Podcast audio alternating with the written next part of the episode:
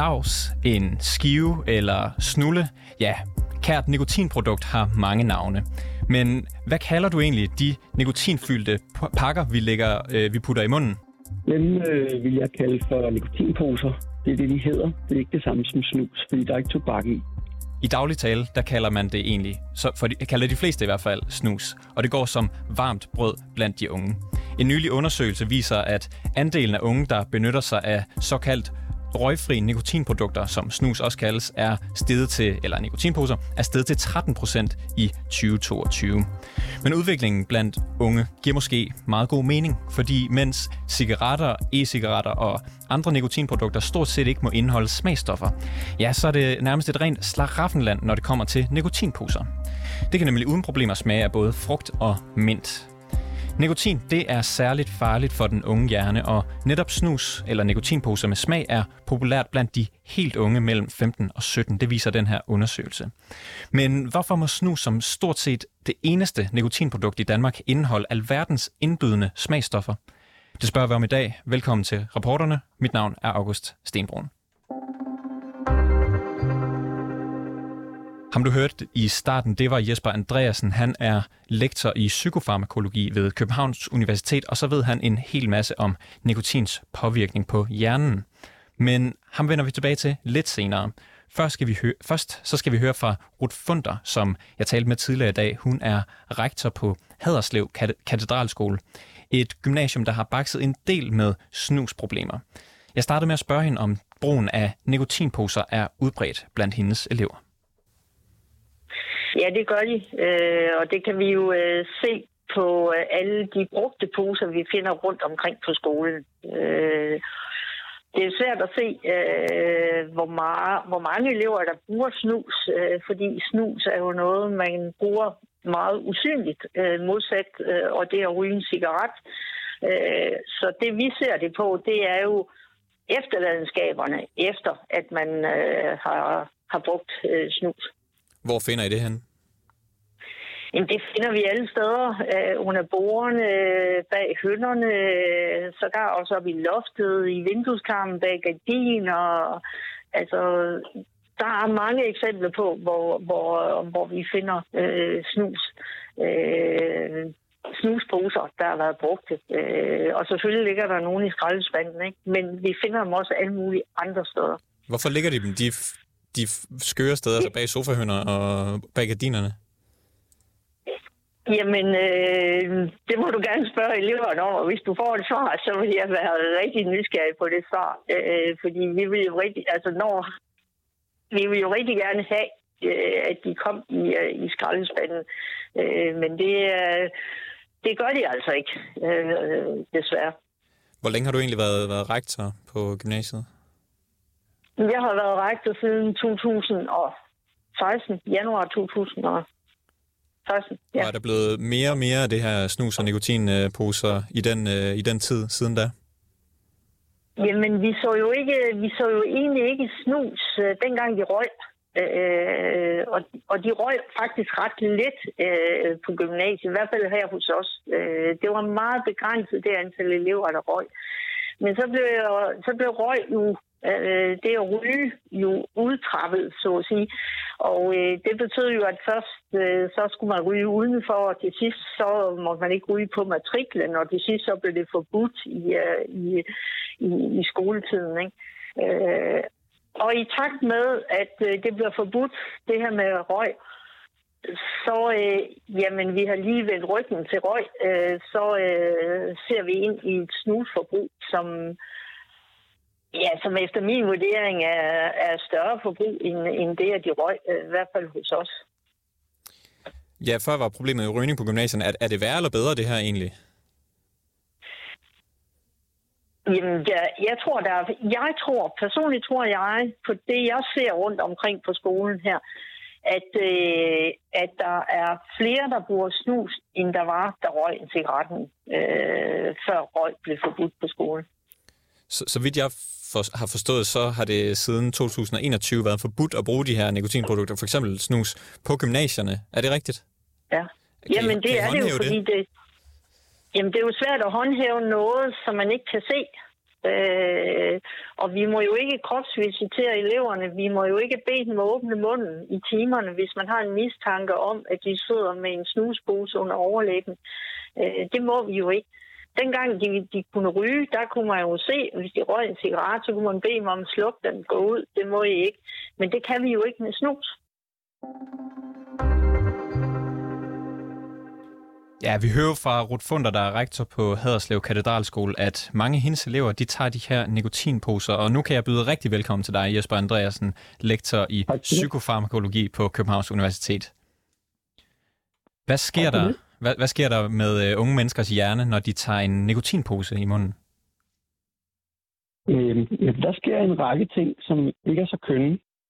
Der sker blandt andet nogle ændringer i de systemer i hjernen, der har med belønning at gøre sådan at de, bliver, øh, de forandres varigt, sådan at man også kan måle forandringerne i voksenlivet, øh, efter man er stoppet med nikotin. Og det er nogle ændringer, som minder om, om dem, man ser ved kokainafhængighed og andre former for stofafhængighed. Og der er også nogle, efterhånden en del undersøgelser, der viser, at det kan bane vejen for at øge risikoen for at blive afhængig af kokain. Man ved fra mennesker, der bruger kokain hyppigt, at omkring cirka 6% bliver afhængige af det. Blandt ikke ryger mens det blandt rygere er omkring 20%. Så det er langt, langt flere. Så det er som om nikotin baner vejen for at blive afhængig af kokain. Og så kunne man spørge, om det har noget med nikotin at gøre. Det er der nogle dyreforsøg, der viser, at, at det samme, der sker nogle ændringer helt ned på genniveau. Så nogle af de gener, der bliver tændt af kokain, og ligesom bliver aktiveret af kokain, de aktiveres meget lettere, hvis man tidligere har brugt nikotin i teenageårene. Så, øh, så man, mens man var ung så man bliver mere disponeret for at blive afhængig af kokain af at tage snus. Ja, og, og det gælder faktisk ikke kun kokain. Der er også humane studier på mennesker, der viser, at det gælder for øh, opioider, sådan er som heroin og fentanyl. Og så er der en række studier, der viser, at det også gælder for alkohol. Man kan se, at hvis man øh, eksponerer, at man ved fra menneskestudier, at dem, der brugte øh, nikotin i ungdommen, var rygere. Vi har ikke så meget data endnu på ren nikotin. Men dem, der var rygere i ungdommen, der kan man se, at der er langt højere forekomst af alkoholafhængighed og alkoholisme øh, i, i voksenlivet. Og så har man undersøgt på rotter noget lignende, hvor man har givet nikotin til unge rotter, på sammenlignet med rotter, der bare fik snydebehandling. Øh, og det var rotter, i, teen, i hvad der svarer til teenageårene for mennesker. Når man så, så senere kiggede på deres adfærd som voksne, så drak de tre gange så meget alkohol, hvis de fik mulighed for det i forhold til dem, som ikke har fået nikotin, mens de var unge. Så det passer meget godt altså med det, man ser på mennesker. En, en ting er jo rotter, men, men ja, med mennesker, altså er der simpelthen en decideret påvist sammenhæng mellem øh, brug af snus og så afhængighed af kokain? Ja, ja, på mennesker ved man, nej, ikke specifikt med snus, for der har, det har jo ikke eksisteret så længe endnu. Men vi ved med altså dem, som er tobaksrygere, der ved man, at det, det er cirka tre gange lidt over tre gange så mange af dem, der bliver afhængige af kokain, de bruger det hyppigt, i forhold til dem, som bruger kokain, men ikke er ryger. Og den bedste forklaring på det, er det nikotinen? Det er nikotinen, og det er, det er ret grundigt undersøgt både på adfærdsniveau. Man kan se, hvis man udsætter Øh, øh, rotter, altså adfærd på rotter, der kan man se, hvis man udsætter dem for muligheden for at og, eller hvis man måler den nydelsesfulde effekt og den dragende effekt af kokain på de rotter, og det kan de opnå ret hurtigt, fordi det er enormt afhængighedsskabende. Men den dragende effekt, den bliver mindst fordoblet, hvis de tidligere har fået nikotin, mens de var unge. Så, så hvis man kan overføre det til, til, til mennesker, altså er der stor forskel på, hvad der sker med, med ens for eksempel afhængighedsskabende adfærd, hvis man tager øh, for eksempel snus som ung, kontra hvis man er voksen og færdigudviklet? Ja, det er helt øh, det kan slet ikke sammenlignes. Hvis man er voksen og hjernen er rimelig færdigudviklet, så, så synes jeg ikke, vi skal være sådan enormt bekymret over for nikotins langtidsskadelige effekter. Men det er noget helt andet hos unge, for der sker også nogle, nogle langvarige ændringer i hjernens systemer for at, at bearbejde følelser og kontrollere følelser. Og det betyder, at der ikke er den samme, det man kalder klinisk en emotionel kontrol, eller en emotionel regulering. Og det passer med, at, at vi også ser, at der er på masser af studier på mennesker, kan man se, der er en, en markant øget risiko for at udvikle psykisk sygdom, hvis man har røget tobak som ung. Igen ved vi ikke så meget om, selv, hvad selve nikotinen gør, men det dyreeksperimentelle data viser, at det passer utrolig godt med det, man ser øh, hos mennesker. Og det er altså noget som er fordoblet risiko for at udvikle depression. Tre, øh, to til tre gange højere risiko for at udvikle hvad hedder det, øh, fobi, og, og et sted mellem 3 og 15 gange højere risiko for at udvikle panikangst. Så, og så er der også cirka dobbelt så stor risiko for at udvikle skizofreni. Så det er hele vejen rundt, og der sker sådan nogle betændelsesreaktioner i hjernen, som, eller betændelseslignende reaktioner. Øh, og, og det stemmer med også, hvad man har kunnet måle på mennesker, hvad der, hvad der er for nogle forandringer. Og scanninger har også vist på rotter, hvis man giver dem nikotin, så får man nogle af de samme hjerneforandringer i strukturerne og størrelserne, hvis man scanner deres hjerner, som man kan se hos mennesker, der, har, der er rygere eller har været rygere. Så det, er, øh, det ser ud som om, at teenagehjernen er særligt, særligt sårbar. Der skal så, man virkelig... Nikotin er et enormt aggressivt stof, skal vi tænke på. Det er også fordi, det virker så hurtigt. Ja. Så, så hvis jeg forstår dig ret, så er det sådan, at der, der er lavet en, en sammenhæng mellem, øh, mellem at bruge tobak og, og, og, øh, og for eksempel have afhængighedsskabende adfærd eller udvikle psykisk sygdom, og så har man testet det på rotter, hvor man har isoleret effekten af nikotin, og der har det vist sig at, at hænge sådan sammen. Det giver den samme effekt, ja. Hvor ved du egentlig alt det her fra? Altså, det er jo nok ikke øh, de fleste, der lige umiddelbart kan forklare, hvad en lektor i psykofarmakologi laver. Hvad, hvorfor ved du så meget om nikotins effekter? Jamen, det er fordi, jeg har arbejdet med hjerneforskning og forskning i psykofarmakas effekter igennem mange år, og, og har haft en særlig interesse for nikotin. Hvad, så, øhm, og hvad er der lige forskellen her? Bare lige, du kom ind på det i starten, men bare lige for at få, få ryddet det ud. Hvad er det, der er forskellen på tykketobak og snus, og så de her nikotinposer? Forskellen er, at i snus og tykketobak, der er der tobak i. I nikotinposerne er der ikke tobak i, så det er ikke snus. Det er bare øh, kan sige, nikotin blandet op i nogle, nogle syntetiske øh, materialer. Jeg ved ikke præcis, hvad det er, men, men hvad det består af. Men, øh, men så, er der, så frisættes nikotin på de der, de der materialer i stedet for tobak. Så snus og tykketobak, det, det indeholder rent faktisk tobak og ser brune ud, hvor de her nikotinposer, det er det, man kender som er de her små hvide poser. Ja, men mange unge kalder dem snus, så det, det giver lidt begrebsforvirring. Du, du taler rigtig meget om, om de her dyreforsøg, men kan vi være sikre på, at det samme gør sig gældende for mennesker, altså den her afhængighedsskabende for eksempel? Jeg synes, at, det alt tyder i den retning, fordi hvis, når vi bare laver de der observationsstudier på mennesker, hvor vi kan se, at der er dobbelt så høj risiko for, eller dobbelt så høj forekomst af depression blandt dem, som røg som teenager, og for angst og skizofreni, og markant øget stofafhængighedsrisiko. Altså, så synes jeg, at når vi så kigger på dyreforsøgene, der kan vi isolere fuldstændig årsag-virkningen. Vi ved præcis, hvad der skyldes hvad. Fordi vi kan, vi kan sætte et, et, et forsøg op, som man ikke etisk må sætte op på mennesker. Vi laver den her historie i dag. De to ting, ja, når man sammenholder de to ting, så er det, så er det meget alarmerende, fordi det er et utroligt sammenfaldende øh, billede, der tegner sig. Vi laver den her historie i dag, fordi at vi ligesom har set, at nikotinposeproducenterne, de for eksempel bruger frugt- og mintsmag øh, til at øh, bruge, putte i deres øh, nikotinposer. Hvorfor tror du, de putter de her smagstoffer i? Jeg kan ikke forestille mig andet, end at det er øh, for at appellere til, til børn og unge, sådan at, øh, fordi man ved, at hvis man bruger nikotin som ung, så er der også høj risiko for, at man, man kommer til at øh, livet igennem at være afhængig af det, fordi generelt så træner man hjernen i at søge rusmidler. Det er sådan, man gør, når man tager sådan et hisset rusmiddel som nikotin, så bliver den øh, virkelig dygtigt spolet i at søge rusmidler. Og det er jo hensigtsmæssigt for dem, der lever af at sælge de rusmidler til os, at, at, at få sådan en afhængighedsbebøjelig øh, hjerne.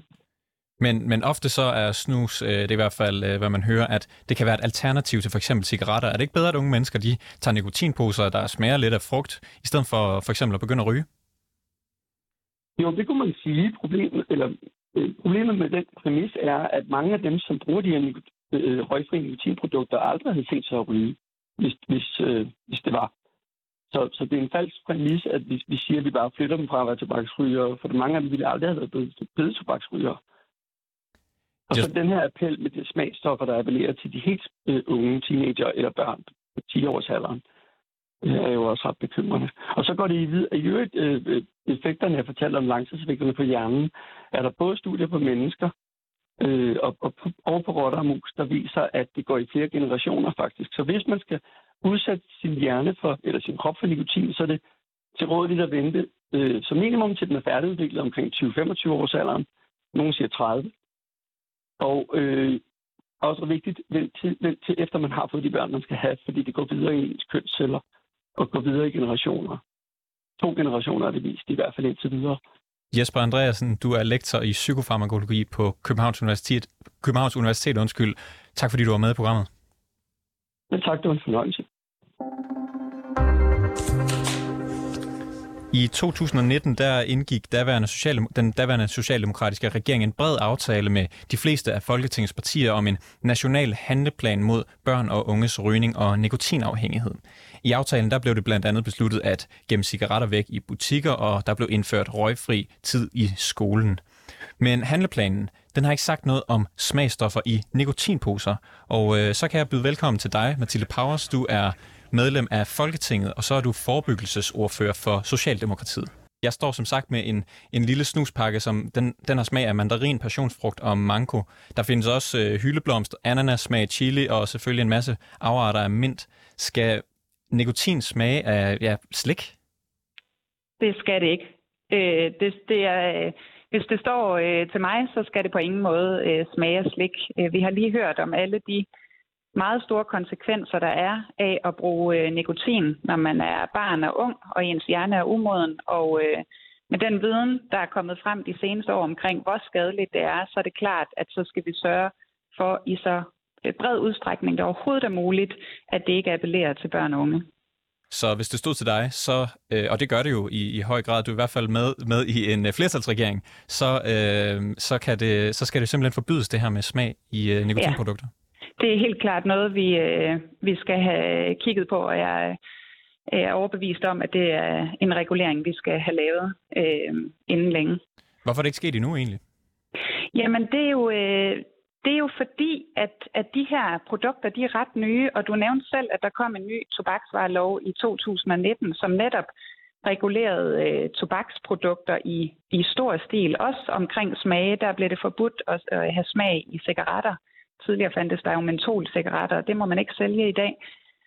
Og så skete der bare det, at nikotinbranchen øh, de kynisk øh, fandt meget hurtigt et hul i loven og lavede de her produkter øh, som et helt nyt produkt på markedet, der ikke indeholdt tobak. Og så kunne de ligesom øh, lovligt lave øh, smag igen og øh, pakninger, der var øh, flotte og appellerede til børn, og priserne var heller ikke reguleret på samme måde. Så, øhm, så, så de brugte øh, et hul i loven til at øh, komme ud og stadig få gjort nogle børn og unge øh, afhængige, som jeg ser det. Øhm, og så var vi bagud igen øh, på, øh, på lovreguleringen, og det er det, vi forsøger at indhente nu. Tror du også på det her med, at nikotinproducenterne de putter smagstoffer i de her poser for simpelthen at appellere til unge mennesker? Det er i hvert fald øh, altså svært for mig at se, hvorfor de ellers skal putte den slags smage i. Øhm, og, det, og det undrer mig egentlig lidt, fordi nu har jeg før talt med nikotinbranchen i en debat øhm, om, hvad de mener om den her sag, og de siger meget klart, at de synes ikke, nikotinprodukter skal bruges af børn og unge under 18 år. Men det undrer mig så, og det har jeg ikke fået svar på endnu, hvorfor de så ikke selv vælger at pille de her smage ud af produkterne, og fjerne de her meget farverige pakninger, øh, som gør, at det ligner tykkegummi eller slik, øh, som i høj grad appellerer til børn og unge. Jeg har simpelthen ikke fået svar på det, fordi at selvfølgelig er vi øh, i regeringen og i Folketinget ansvarlige for at få reguleret vores love, og sådan vi passer på vores børn og unges sundhed, som i det her tilfælde. Men jeg synes øh, godt, ansvaret kunne bredes mere ud også, og hvis de virkelig mener nikotinbranchen, at de ikke ønsker, at børn og unge skal starte med de her ting, før i hvert fald de er 18. Og de taler faktisk om, at det kun skal bruges som en, en rygestop afvendingsprodukt. Så kunne jeg godt tænke mig, at de tog noget mere ansvar også selv. Øh, for lovgivning tager tid, sådan er det bare. Og det, det, kan vi, øh, det kan vi meget godt spørge dem om senere, fordi vi skal nemlig tale med øh, direktør i Nikotinforeningen øh, om ikke så længe. Men øh, inden da vil jeg bare gerne lige høre fra dig, hvornår kan man forvente, at der kommer noget lovgivning på det her område? Jamen altså, øh, min øh, øh, forventning er, at vi inden sommerferien skal have talt om i ordførerkredsen, øh, hvad vi skal gøre for at prøve at øh, øh, få nedbragt antallet af børn og unge, der bruger de her nikotinprodukter. Øh, fordi desværre så er det jo bare stigende. Øh, så det er vi nødt til at gøre noget ved.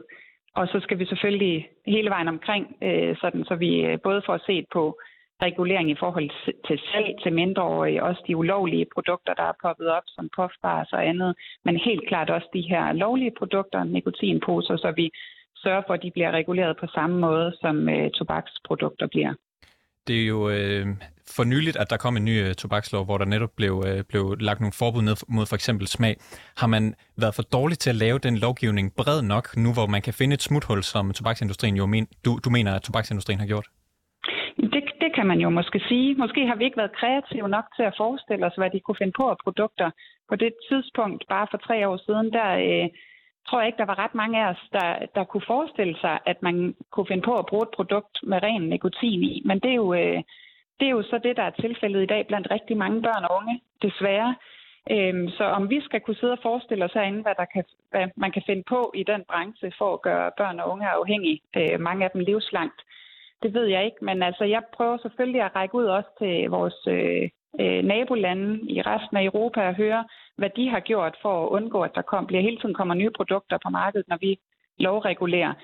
Og et af forslagene er, at man øh, ved nye produkter, når de opstår, at man skal have dem ind omkring øh, for at tillade dem, så man ikke bare kan lancere nye produkter, uden at de er blevet lovliggjort først. Så det kan jo være, at det er noget, vi skal kigge på, om også yes. vil kunne lade sig gøre i Danmark. Mathilde Powers, medlem af Folketinget og forebyggelsesordfører for Socialdemokratiet. Jeg skal lige have et sidste spørgsmål til dig, og det ja. er, øh, du har sagt, at hvis det stod til dig, så skulle der komme lovgivning på det her område. Har du opbakning fra regeringen til det, så det kun er et spørgsmål om tid, før det kommer? Det fornemmer jeg, at der er opbakning til. Vi mangler stadig at sidde om bordet og diskutere øh, detaljerne i, hvad vi kan gøre for at øh, øh, forebygge børn og unges øh, øh, dårlig sundhed og mistrivsel. Øh, men det står i regeringsgrundlaget, at det er et arbejde, vi skal i gang med. Jeg fornemmer, at der er bred enighed om, at, at vi skal have gjort noget ved de unge stigende brug af nikotinprodukter. Mathilde Powers, tusind tak, fordi du var med i programmet. Selv tak. God dag.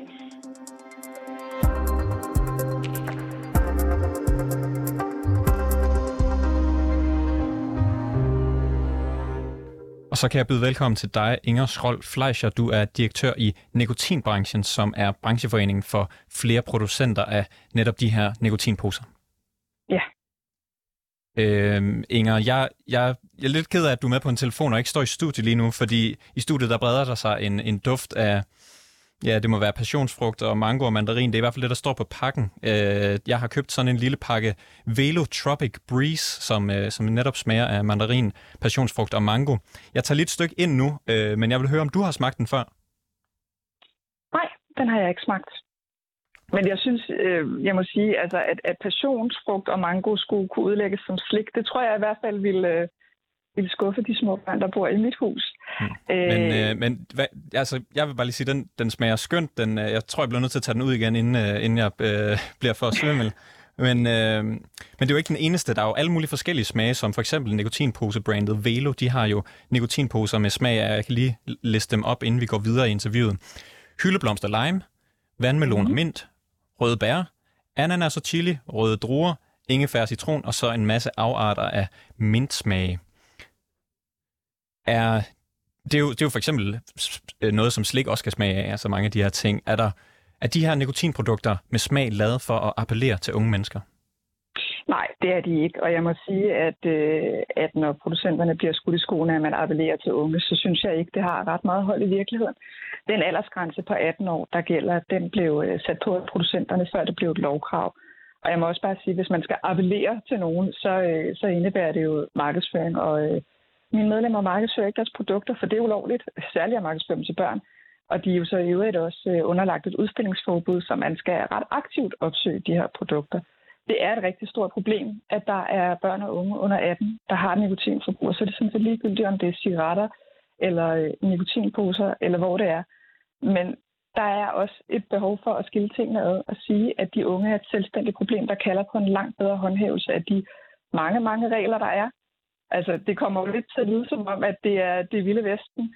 Men jeg må sige, når vi kigger på det, på det illegale marked for puffbars, som jo kan smage... Og det, og det kan vi sagtens komme tilbage til, Inger, men, ja, men når jeres produkter... Sige, de... at branchen er jo underlagt mange, mange regler, og der er en der er en nødvendighed i at skille mellem, Men når, når jeres hvem produkter... kan købe de her produkter, som ikke er gamle nok til dem, og så de voksne ryger, der har brug for et alternativ til det at ryge cigaretter. Som Men når produkterne et, de smager af røde bær, altså det, det er den rynkeby-juice, jeg, jeg er vokset op med, der er røde druer, de smager da dejligt, vandmelon og mint. Øh, markedsfører I så ikke jeres produkter mod netop unge mennesker? Nej, vi markedsfører ikke, øh, mine medlemmer markedsfører ikke deres okay. produkter, for det er ulovligt om, at markedsføre nikotin- og tobaksprodukter i Danmark. Okay, men så i hvert fald appellere til dem. Markedsfører eller ej? Ja, det bliver jo en semantisk diskussion, hvad der appellerer til nogen. Øh, det er jo vanskeligt at appellere til nogen, når man selv har sat en aldersgrænse på, at man skal være 18 år for at købe produkterne. Okay. Om det er meningen eller ej, at, at I vil appellere... Om, det er jo de om, Inger, et øjeblik. Om det er ja. meningen eller ej, at I appellerer til unge mennesker, så lader det i hvert fald til at virke, fordi anvendelsen af røgfri nikotin med smag af slik, frugt eller anden sød smag, den er omkring dobbelt så høj blandt de 15-17-årige, som den er blandt henholdsvis 18-24 og 25-29-årige. Anerkender du så, at nikotinprodukter med smag appellerer til unge mennesker? Nej, det anerkender jeg overhovedet ikke. Jeg Men de, de er jo at dobbelt... problem med dem, der er under 18, der bruger produkterne. De, de, er jo, de er jo dobbelt så populære blandt dem, der er under 18. Ja, det er meget muligt, men Betyder det, det så ikke, at de appellerer til dem? Som at sige, at produkterne appellerer. Nej, folk under 18 skal ikke bruge nikotinprodukter. Jamen, det gør de jo så. Ja, det gør det, det er et stort problem, der kalder på en langt bedre håndhævelse af de mange regler, der er på det område herunder en aldersgrænse. Hvis ikke det er produkterne i sig selv, hvad er det så, der appellerer til at, at gøre, at 15-17-årige i dobbelt så høj grad som deres lidt ældre øh, unge, de, øh, de bruger de her nikotinprodukter med smag? Ja, spørger du, hvorfor de bruger nikotinprodukterne i det hele taget? Nej, hvorfor de bruger nikotinprodukter med smag i dobbelt så høj grad som, øh, som de andre aldersgrupper? Det skal jeg ikke kunne sige. De skal ikke have et nikotinforbrug, og det kalder på en langt bedre håndhævelse, end der er i dag. Flere end halvdelen siger, Så du vil ikke anerkende? at dem, der er 15 til 17... Må jeg lige have lov at svare? Ja, ja. Halvdelen af de 15-17-årige i den samme undersøgelse fortæller, at de kan gå ned i butikkerne og købe nikotinprodukter. Og det burde jo ikke kunne lade sig gøre, når man skal være 18 år for at købe produkterne. Der er brug for Men det er jo et, helt, det er et helt andet problem. Det, det, det, jeg spørger til lige nu, det er, der, det er meget simpelt. Det er ikke et andet problem, når de har et forbrug. Altså, vi diskuterer, hvad for et forbrug de har, men det grundlæggende problem er jo, at de overhovedet har et forbrug. Det, det, vi, de det, købe produkterne. det, vi spørger til i dag, det handler specifikt om det her med smagen, og det viser jo, det viser sig jo, at de i dobbelt så høj grad som andre aldersgrupper bruger det her med smag. Du, du mener, at det, at det har en smag, det, det har intet med det at gøre så? Jeg skal ikke kunne kloge mig på, hvorfor nogen under 18 øh, vælger at bruge nogle bestemte nikotinprodukter eller ej den undersøgelse, der bliver refereret her til, der, har man jo, der, der undersøger man jo de 15-29-årige, og så har man jo så skilt dem ud, som er under 18. Der er et stort problem med de unges forbrug af smag i røgfri nikotinprodukter, og det handler først og fremmest ja. om puffbars. Jeg, jeg, vender, jeg, vender lige, jeg vender lige tilbage til den her undersøgelse. Ja. Der, der står, anvendelsen af røgfri nikotin med smag af slik, frugt og anden sød smag, den er dobbelt så høj blandt de 15-17-årige, som blandt de henholdsvis 18-24-årige og 25-29-årige. Og du anerkender simpelthen ikke, at de her nikotinprodukter, de skulle appellere til unge så? Jeg anerkender ikke, at, øh, at der bliver appelleret til unge. Altså det anerkender jeg simpelthen ikke. Producenterne satte aldersgrænsen på. Man må ikke reklamere, de er underlagt et udstillingsforbud. Børn og unge skal ikke have et nikotinforbrug. Og om det så er med sød smag eller med mint, det synes jeg egentlig er ligegyldigt i den store diskussion om, at børn og unge ikke skal gå ud og opbygge et, øh, en nikotinafhængighed. Det skal de skærmes imod uanset om, om du anerkender det her eller ej, så har vi lige hørt fra øh, Socialdemokratiets forbudelsesordfører, at regeringen de vil simpelthen foreslå at forbyde de her smage, fordi at det i hvert fald ifølge deres opfattelse, øh, og ifølge tallene i øvrigt, ser ud til, at unge bruger det mere. Hvad tænker du om det? Jeg tænker, at man skal tænke sig rigtig godt om, før man øh, tyr til øh, mere lovgivning frem for bedre håndhævelse. Fordi det, man gør, når man prøver at lovgive sig ud af, at, øh, at børn og unge bruger nikotin, det er jo, at man også rammer de voksne brugere af røgfri nikotinprodukter. Altså de rygere, der øh, synes, det er svært at stoppe med at ryge, det er det også. Det er et afhængighedsskabende stof, det er der ikke nogen tvivl om. Dem rammer man jo også, og man mindsker deres incitament. Smag er en af de faktorer, der gør, at, det, øh, at der er forskel på at, at ryge cigaretter og bruge nikotinposer, fordi cigaretter jo som bekendt ikke længere må smage af, af mentol. Og det man også risikerer, det er jo, altså vi ser jo et meget stort marked for de her øh, ulovlige e-cigaretter, puffbars, som jo i høj grad er noget af det, der bliver brugt øh, blandt børn og unge, og de bliver jo markedsført øh, på Snapchat og TikTok og ja, følger og, og, og, nogle af og, reglerne. Og hvis jeg lige må gøre det færdigt, der kan man jo godt have den mistanke, at når man indfører et smagsforbud på e-cigaretter, så en e-cigaret må kun smage af mentol og tobak, trods det, at de ikke indeholder tobak, og så opstod der et illegalt marked, fordi der er en efterspørgsel. Vi hører før fra øh, lektor i psykofarmakologi Jesper Andreasen. Han fortalte tidligere i udsendelsen, at der var rigtig mange negative konsekvenser for indlæring, afhængighedsskabelse, øh, depression, andre psykiske lidelser ved, at unge hjerner blev udsat for nikotin. Anerkender du, at der er de her negative konsekvenser? Børn og unge skal ikke have nikotinforbrug, og det er der mange gode grunde til. Blandt andet, at deres hjerner ikke er færdigudviklet. Okay, og, og du, har, du har for eksempel også tidligere udtalt, at nikotinbranchen, det er et citat fra dig, nikotinbranchen de deler bekymringen over unges nikotinforbrug. Nikotin er afhængighedsskabende, og det er kun for voksne, og du har sagt det samme til mig i interviewet her. Mm. Vi ser jo, at de unge i dobbelt så høj grad som dem øh, der er lige ældre end, end 18 år, de bruger det her med frugtsmag. Burde de ikke tage ansvar og så bare droppe de her frugtsmage? Vi tager ansvar på den måde, at øh, producenterne satte aldersgrænsen på, og vi byder ind med øh, alt, hvad vi kan til Hvorfor bliver I ved med at til sælge dem? Altså, jeg sælger jo ikke noget. Mine medlemmer sælger noget. Hvem, Og vi hvem, sælger jo... Hvad siger du? hvem, hvem er de her frugtsmage til ære for? Det er til øh, de voksne brugere, der lovligt kan købe et røgfrit nikotinprodukt, som er betydeligt mindre skadelige end Og cigaretter. så må man bare leve med, at 15-17-årige også tager dem, og endda i højere grad end alle andre. Nej, det må man ikke leve med, og en meget stor del af mit arbejde består jo også i at, øh, at tale med politikere og tale med offentlige myndigheder om, hvad vi kan gøre for at forhindre, at børn og unge bruger nikotin. For det er jo en helt klar position for nikotinbranchen, at øh, nikotin det er for voksne. Det skal man være 18 år for at købe, og øh, børn og unge skal ikke have nikotinforbrug, og det er vigtigt, at man skærmer dem mod det, og derfor bakker vi jo så for eksempel også op om røgfri skoletid, som jo også indebærer nikotin. Regeringen de har jo tidligere lagt forbud mod, at øh, andre tobaksprodukter, e-cigaretter, cigaretter, andre lignende ting, de ikke må have smage. Hvorfor ikke ligestille det og få nikotinposerne også for, forbudt mod at have smage? Jamen, hvis man lige stiller cigaretter med nikotinposer, så, øh, så laver man jo en kobling, der indebærer, at produkterne er det samme, og det er de ikke. Det eneste, en nikotinpose og en cigaret har til fælles, det er nikotinen. Der er jo øh, velkendte skadelige effekter ved at ryge, og, og det bedste, man kan gøre, hvis man ryger, det er at stoppe. Og en af de realistiske veje for mange ryger til at holde op med at ryge cigaretter, det er jo at bruge nikotinposer. Det koster 16.000 danske dødsfald om året ved rygning. ikke? Inger Så hvis man kunne få folk til at holde op med at ryge, så vil det være rigtig godt. Inger Schrolf Fleischer, du er direktør i nikotinbranchen. Tak fordi du var med i programmet. Det var så lidt.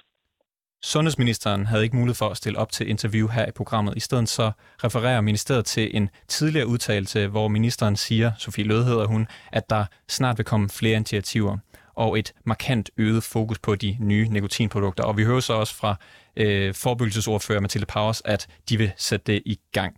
Bag den her udsendelse var Bastian Vedsted Eggert. Mit navn er August Stenbrun, og Mille Ørsted var redaktør for den her udsendelse.